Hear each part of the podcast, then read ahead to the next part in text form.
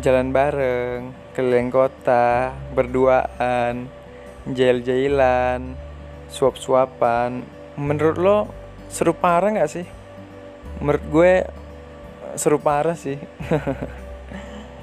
Jadi mulai minggu besok di Bucinesia kita bakal bahas tentang ke hal-hal yang seru dilakuin bareng pacar.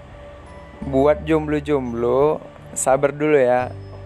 Mungkin belum saatnya lo dapet pasangan, tapi nanti pasti ada saatnya lo. Oke, jadi tunggu aja di Bucinesia.